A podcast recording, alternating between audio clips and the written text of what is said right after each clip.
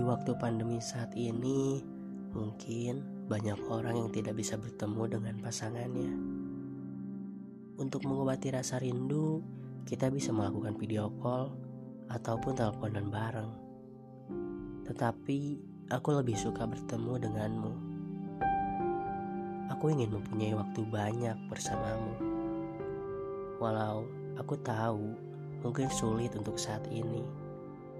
Yang hanya bisa kita lakukan menunggu agar bisa bertemu untuk melepas rindu.